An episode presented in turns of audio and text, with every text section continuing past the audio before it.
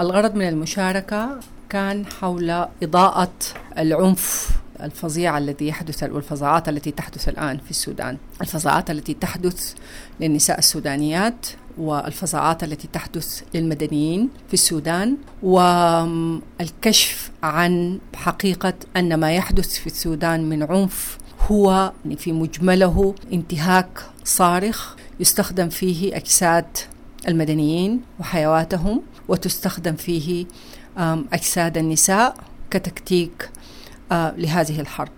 أيضا أرسلت رسائل تضامن لل يعني النساء في مناطق النزاعات تحديدا ما تتعرض له النساء في السودان وفي أفريقيا حيث أن حياتنا وما يحدث لنا لا يؤخذ بالجدية الكافية ويتم التعامل معنا باعتبارنا أضرار. جانبية.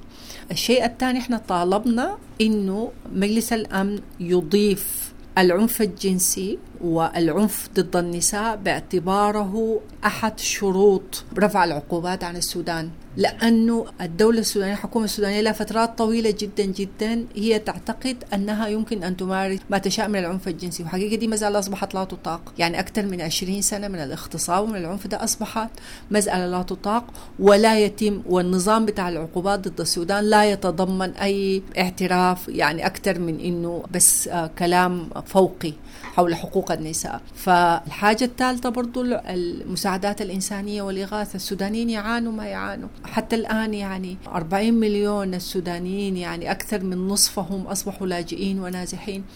وما في إغاثات آه نسبة الإغاثة ضعيفة جدا جدا. وهذه النسبة الضعيفة يعني تمت إعاقتها من قبل الحكومة سلطة الأمر الواقع في بورسودان التي تعيق الإغاثات بالإجراءات العقيمة والفساد وإعاقة عمال الإغاثة في الوصول إلى المحتاجين. هذه أشياء لابد من طرحها بشكل أساسي ولابد من الضغط بشكل أساسي ممارسة الضغط بشكل أساسي على سلطة الأمر الواقع أنها لا تملك أن تجوع السودانيين وأن تعرضهم يعني لمجاعة مثل ما يحدث الآن عرضة للأمراض وكذا.